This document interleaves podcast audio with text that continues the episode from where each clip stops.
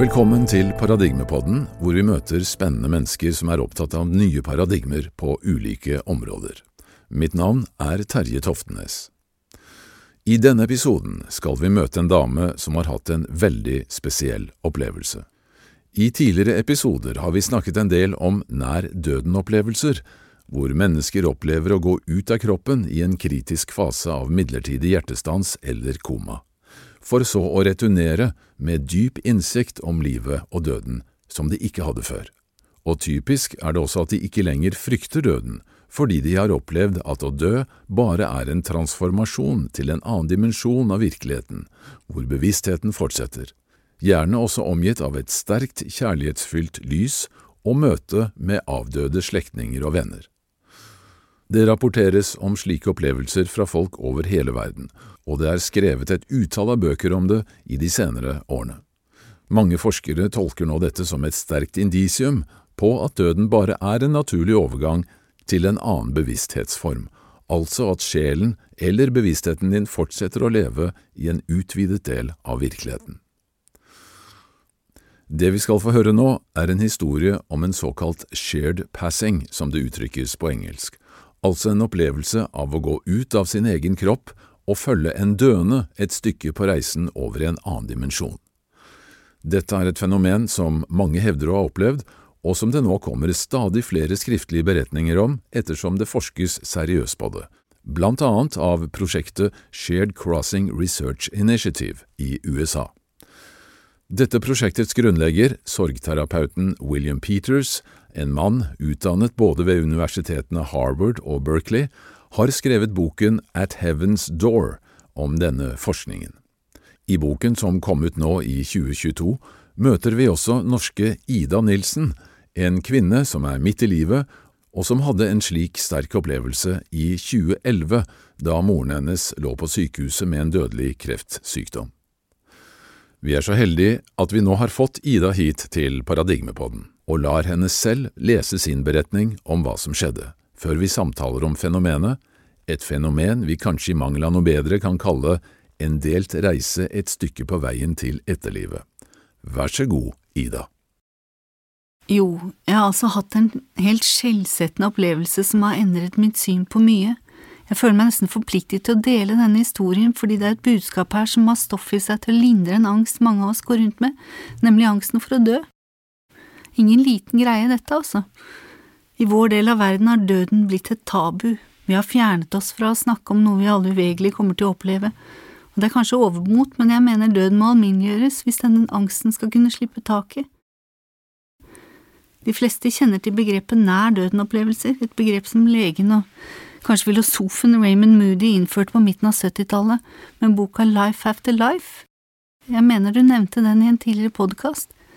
I 2010 kom han med en oppfølger, han skrev mange bøker, men han kom med en oppfølger som het Glimpses of Eternity, men nå handlet det ikke om nær døden-opplevelser, men om delte eller empatiske dødsopplevelser, og det er en slik opplevelse jeg har hatt da.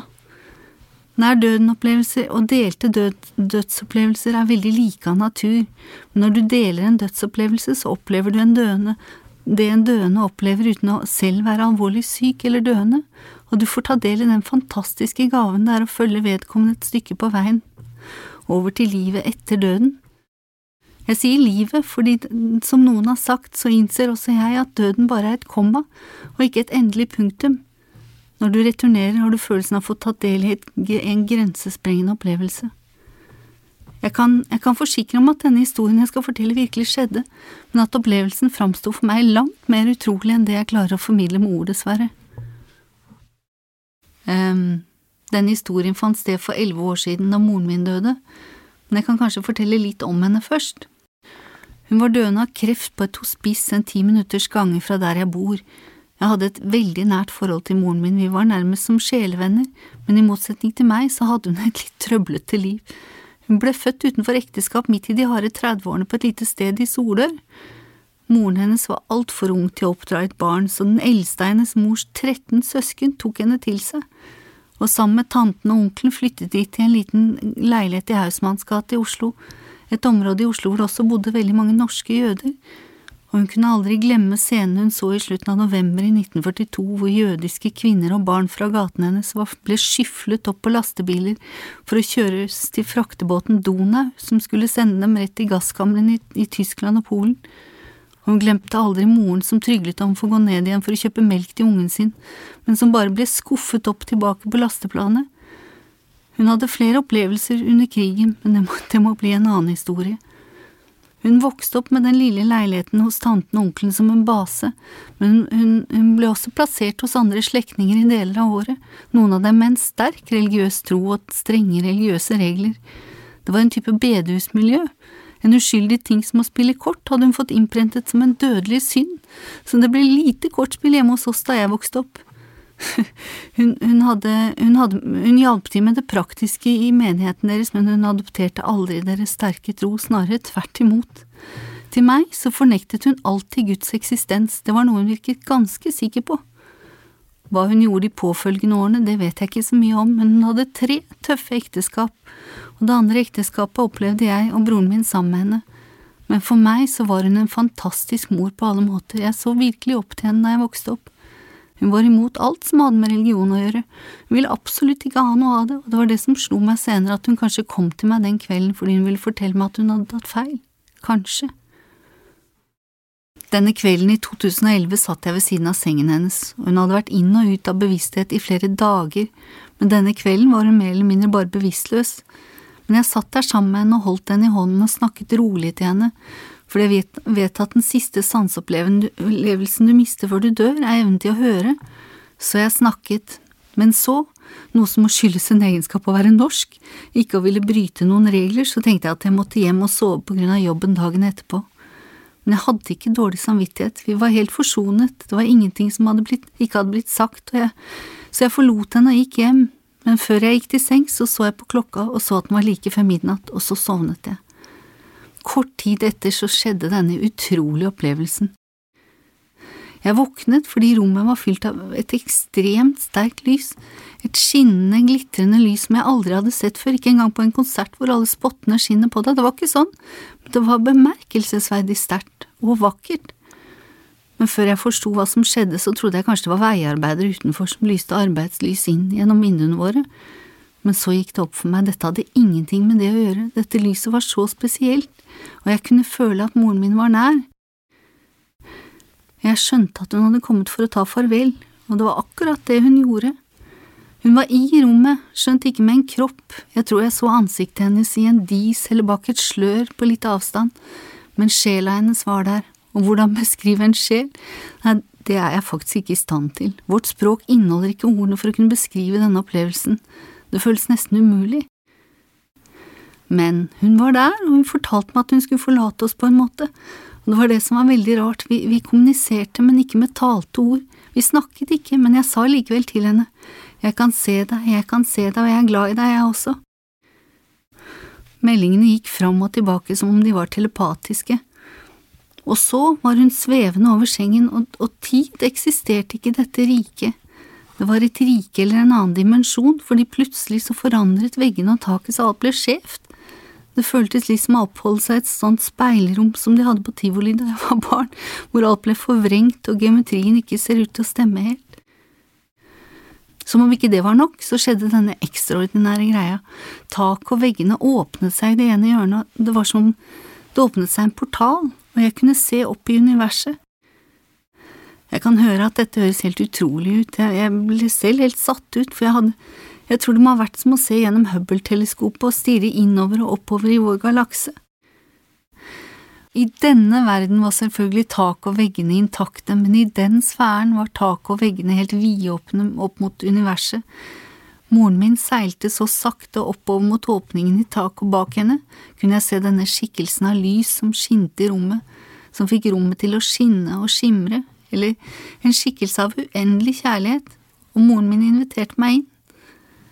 Vi fløt oppover, og det var som om dette lyset omfavnet moren min og, og viste at hun ble tatt vare på. Hun viste meg at hun var i gode hender, akkurat det. Og jeg skulle bare følge med dem. Dette føltes som den mest fantastiske gaven jeg noensinne har mottatt.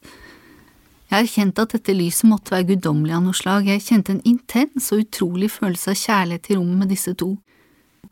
Tanken slo meg senere at dette må være som å ta opiater for første gang, bare multiplisert med tusenvis av ganger. Kjærligheten jeg følte, fylte opp hver pore i huden min og hver celle i kroppen. På jorden kan du føle en sterk kjærlighet for et annet menneske, men jeg tror at denne spesielle kjærligheten jeg opplevde i dette rommet, er umulig å oppleve på jorden. Hvis det hadde vært mulig å bringe tilbake denne følelsen, så ville jeg aldri sluttet å lete etter den. I en lang periode følte jeg en sterk lengsel etter å gjenoppleve disse følelsene, helt til jeg skuffelt bare måtte akseptere at disse følelsene ikke er tilgjengelige for oss her på jorden, men synes å være en dimensjon utenfor vår rekkevidde, utenfor vår klode. Uansett, selv om jeg nå satt målløs i senga, så var sjelen eller min bevissthet på vei oppover, og jeg kunne se ned på meg selv. Jeg sier sjel, men jeg kan ikke beskrive ordet sjel med annet enn at det var essensen av meg som forlot kroppen og gikk videre. Følelsen var helt ekstrem. Jeg vet ikke hvor lenge, men vi fløt eller seilte lenger opp, og hun var foran meg, og vi gikk inn i dette svarte tomrommet eller mørket, på litt avstand var vi omgitt av lyse, skinnende elementer av noe slag, men jeg kan ikke forklare hva jeg så, men de var, de var skinnende som stjerner, og det var kanskje det de var. Men dette enorme, mørke riket vi var i, ga en intim følelse, noe som er et komplett paradoks. Samtidig var taket og resten av rommet bare borte. Det var min mor og denne lysskikkelsen og meg der, men jeg følte også at det var andre sjeler eller bevisstheter der. Dessverre, annet enn å ha et minne om hvordan dette føltes ut, vet jeg ikke hvem de andre var, men det var ikke bare meg, min mor og denne skikkelsen av lys og kjærlighet i stedet. Og mens vi fløt til denne dimensjonen, ble ethvert spørsmål jeg noensinne hadde hatt besvart, og jeg, jeg visste alt da jeg var der. Svarene ble delt med de andre, men kommunikasjonen var helt uten ord. Den gikk fram og tilbake, ikke ved å snakke, men ved å gå gjennom våre ikke-eksisterende kropper, hvis dette gir en mening. Når jeg sier jeg fløt med en ikke-eksisterende kropp, så mener jeg at jeg ikke hadde noen fysisk avgrensning, jeg følte jeg var sammensmeltet eller fullstendig oppløst i det stoffet jeg fløt rundt i. Likevel var jeg i meg, det var mitt jeg som stilte spørsmålene. Jeg kunne ha en tanke, en følelse, å være på jakt etter en sannhet eller bare lure på noe, og samtidig ble det delt med de andre og besvart.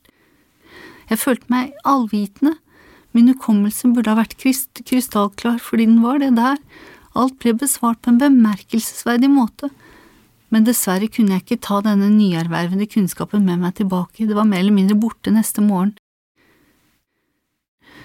Jeg kom tilbake til vår verden og hadde ikke lenger muligheten til å se svarene på alle store og små spørsmål, men jeg kan forsikre om at, at følelsen av å være allvitende var helt utrolig, og, eller å miste den var som et kjempestort tap men å vite at det finnes et sted hvor alt blir forklart og delt, det gir en enorm trygghet.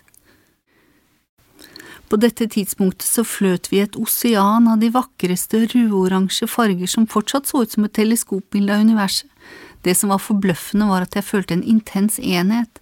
Jeg var forbundet med hver sjel rundt meg og med den guddommelige skikkelsen av min mor, jeg følte at vi alle var én, ikke enkeltstående sjeler.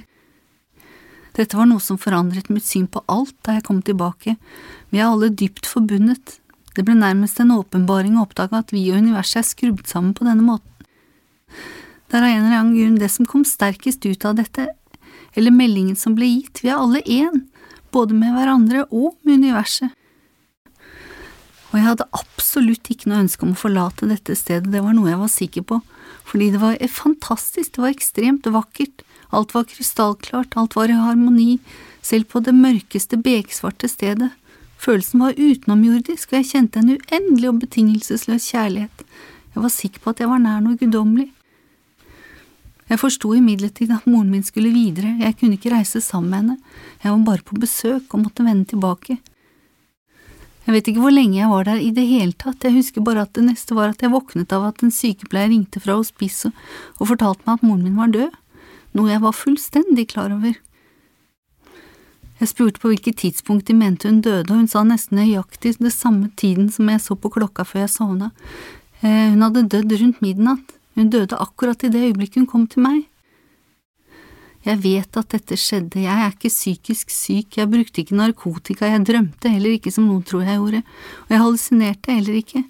Min følelse av å vite var veldig sterk. Jeg visste at denne sannheten jeg møtte var mer sann enn alt annet i denne verden. Det var ingen tvil i min sjel, dette var kjernen i alt, og den bestod av ren og ubetinget kjærlighet. Mulig jeg var tungsinnet og litt dyster før, men ingenting kunne røre meg etter den hendelsen. Jeg gjenvant troen på mine medmennesker, og jeg følte empati for alle. Vi er alle en del av dette mysteriet kalt liv, og vi tilhører hverandre, vi er alle dypt forbundet. Livet mitt forandret seg etter den hendelsen, eller det som skjedde den kvelden. Det var en kjærlighetsgave, egentlig, og jeg er sikker på at hun ønsket å vise meg at hun var i gode hender, og at en gud virkelig eksisterte, noe hun hadde nektet for siden jeg var barn. Kanskje hun skulle gjøre opp for noe hun følte hun hadde gjort galt? Men det var en enorm gave, jeg har ofte tenkt på det etterpå, jeg skulle ønske at alle var i stand til å gi et barn eller noen andre en slik gave, fordi det endrer alt.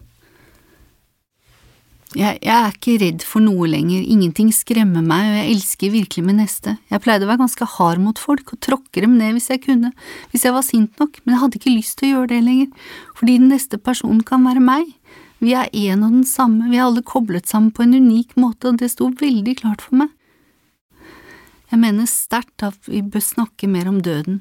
Vi er unektelig knyttet sammen på denne reisen og med samme endepunkt, og paradiset er merkelig nok rett over hodene våre, der oppe over taket. Ikke at jeg ønsker å dø, men jeg vet nå at å dø er ingenting å være redd for. Jeg blir ført til dødens terskel, og jeg blir vist det vakreste og mest kjærlighetsfulle sted. Så for å avslutte denne historien, dette er lærdommen jeg føler jeg fikk med meg. 1. Kjærligheten er essensen i våre liv, det er vårt oppdrag, og kjærligheten er faktisk den mektigste kilden i universet. Vi er her i denne verden for å elske hverandre, det er så enkelt og tilsynelatende så vanskelig. To, vi er ikke enkeltstående sjeler, vi er én. Vi er alle dypt forbundet, og vi er alle én med alt, også med naturen rundt oss. Og tanken på at vi alle er en del av den samme bevisstheten, føler jeg nå må være veldig nær sannheten. Og til slutt har jeg nettopp lært at um, ordet univers kan deles opp i to, med uni som betyr én og vers som betyr sang, som i én sang. For meg nå gir det perfekt mening. Ja. ja. ja. Kjempe, kjempebra. Det er det jeg ikke skjønner, hvorfor dette skulle skje med meg, altså. Men det er ingen tvil, det skjedde. Mm. Det var en utrolig opplevelse, altså det var så voldsomt, og jeg tenkte jeg, Det var liksom helt ubegripelig at, at, at, man kunne kjenne på så Altså at man kunne kjenne så mye kjærlighet av, i et rom med, med en jeg, Det var liksom Det var helt guddommelig, altså. Det var eh, en, en, kjærlighet som du ikke Som jeg sier, da, du kan ikke finne den på jorden, for det, det var Jeg tenkte at ok, folk snakker om at tar du heroin eller noe sånt, så har du en sånn ekstrem følelse første gang, men dette var altså det ganger med tusen, altså, for det var ja, helt fantastisk. Ja. Og det Ja, nei. Det, det, var en gave, tror jeg, fra henne. Men du, følte du at du hadde kroppen med deg, liksom? Hvordan da, tenker du? At du, var, at du fremdeles hadde en kropp, selv om du var ute av din egen kropp? Følte du Nei, det var det jeg prøvde å se, se ned, og det var, det var, det var, Altså, jeg hadde en omkrets Jeg hadde Det var jo meg som var der, men jeg var også en del av alt det andre, altså alt rundt meg, da. Mm. Det var Vi var en samlet En samlet flokk. Jeg var du redd, eller var du redd eller engstelig på noen måte? Overhodet ikke. Jeg syntes det var helt utrolig. Jeg ville jo ikke forlate det stedet. Var jo absolutt ikke interessert i det hele tatt. Altså. Da jeg våknet neste morgen, så var det Jeg bare visste at jeg visste absolutt alt altså, når jeg var der. Så det um, Hadde du veldig behov for å fortelle dette til noen med en gang etterpå? Når du våknet? Um, ikke, ikke nødvendigvis, nei. Men etter hvert så skjønte jeg at Eller jeg prøvde jo å snakke med folk om det, og særlig da samboeren min. Da. Men det var liksom å møte som å møte veggen. Det var Han mente dette var en drøm. Jeg, må, jeg måtte ha hatt en veldig livlig drøm, da. Og det Var det stort skille mellom dette her du opplevde, og en drøm? Ja. Det, var, det var, kunne ikke sammenlignes. Hvordan føler du at dette påvirker deg i dag? Får du denne historien stadig sterkt opp i minnet fremdeles? Absolutt. Den har den har endra meg totalt. Jeg var veldig sånn til, tilbakeholden og var en veldig sånn jordnær person. Og har jeg blitt opptatt av det åndelige, det har jo aldri vært før. Um, og jeg har blitt veldig trygg da på meg selv, utrolig nok. Det, det har gjort meg ja, det, det, har endret meg mye, altså. Og jeg, jeg har fått veldig empati for Som jeg sier, så jeg, var jeg ikke noe særlig snill før. Hvis jeg Ja, jeg kunne være fæl, altså. Men det har jeg absolutt ingen Nå føler jeg virkelig Og det, de første ukene etter at jeg opplevde dette, så, så hadde jeg Så følte jeg nesten at jeg kunne se folks smerte, at jeg kjente deres eh, indre følelser, og det, det har gjort meg veldig sånn ydmyk, da. Jeg ser hva folk sliter med, så Men um, du sier at moren din ikke var religiøs. Var du noe religiøs før dette skjedde? Nei. Nei, absolutt ikke. Jeg, jeg holdt jeg, jeg, ba min aftenbønn og var altså følte takknemlighet og sånn, så men, men, ikke på noen måte Ikke så lite religiøs som henne, men jeg gikk i kirken og jeg, på julaften og sånn. Det, det, var liksom ikke noe mer enn det, da. Um, men nå føler jeg virkelig at uh, det er noen der som Eller noen eller noe, eller hun eller han, jeg vet ikke, men det er en, det er en noe åndelig som, som, er inkorporert i alt vi, vi, vi, vi gjør, og det er um, Det er noen der som passer på oss, altså. Ja, men, men det, sånn, som, sånn, som, du sa at um Altså at det var essensen din som, uh, som, reiste ut sammen med henne, ikke sant? Ja. Uh, Sjelen, ja. ja hva, det, er jo, det er jo sånn evig spørsmål hva er egentlig sjelen? Er du blitt noe klokere på det? Sjelen min er Altså, sjelen vår er en del av altet. Det er liksom Og Gud er i alt, og vi er en del av Gud, og det er liksom Eh, ja, essensen min er eh, en del av det hele som Det er ikke noe mm. Men vi opplever oss allikevel som, eh, sånn i dagliglivet i hvert fall, som veldig separert. Vi gjør jo det. Ja, vi gjør det, og det, det er jo helt feil. Men det må jo være en mening med det òg, da, kanskje? Vanskelig spørsmål. Det, er jo mange som, som mener at um, altså det å være menneske da, på jorden er en slags læreprosess og at uh, det er et poeng at vi skal glemme uh, midlertidig hvem vi egentlig er. For hvis vi hadde gått og husket på det hele tiden, så hadde, det kanskje, så hadde, så hadde, opplevelsen vært veldig annerledes, da. Det er kanskje noe av det som er poenget, at, at det er at vi skal glemme. Ja, skulle gjerne hatt svar på det. jeg må i hvert fall si at uh, jeg syns det er en utrolig sterk historie du har. Og jeg er veldig, veldig glad for at du ville dele det med oss. Eh, det er sikkert mange som kan ha lignende opplevelser, og som egentlig aldri tør snakke om det. Fordi man er redd for å bli latterliggjort, redd for å bli sett på som eh, ja, ikke helt ja, Hva skal du si A4. sånn at uh, Ja, det er veldig mye angst her ute for, for nettopp det, altså. Ja. Og det har jeg merket at det man, man, merker en skepsis som man ikke ville tro Jeg ville jo tro at folk var veldig nysgjerrig på dette her. Ja. For det med døden er jo skremmende, for har vært i hvert fall for meg har det vært skremmende. Men, men det å vite at det faktisk finnes et sted hvor det Altså at vi går over i noe med en enorm kjærlighet. Hvem har snakket om det? Hvem har tenkt på det før? At dette skal være et, et utrolig vakkert sted, da.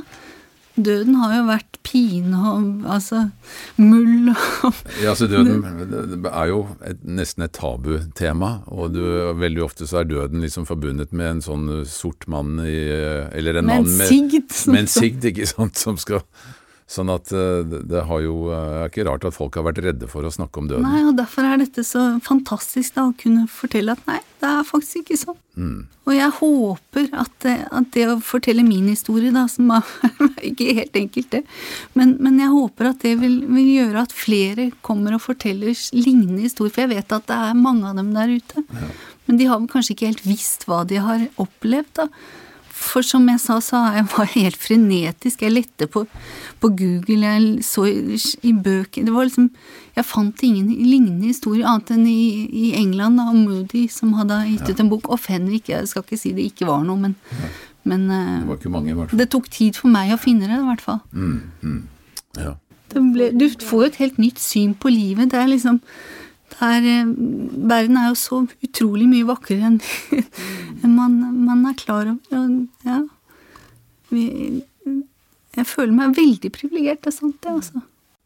Hvordan hadde verden forandret seg hvis alle hadde samme innsikten? ja, nei, det, det, det, er nettopp det. Vi hadde jo ikke vært så fæle som Vi, vi hadde jo ikke hatt disse krigene. Vi hadde jo, hvis vi hadde visst at vi er en og den samme, hadde alle vært klar over det, så hadde det jo ikke blitt noe ondskap i denne verden. Man vil jo ikke, vil jo ikke gjøre seg selv vondt, så, så jeg tror det hadde vært altså Jo flere som får vite om dette her, jo, jo varmere og vakrere vil verden bli, tror jeg faktisk. Det høres jo helt pussig ut, men, men, det er eh, Vi er, vi er én med et fantastisk Kalle det Gud, da, men, men eh, jeg vet ikke helt uh, ja. Nei, men jeg, jeg syns du sa det så fint at uh, man vil jo ikke gjøre seg selv vondt. Nei.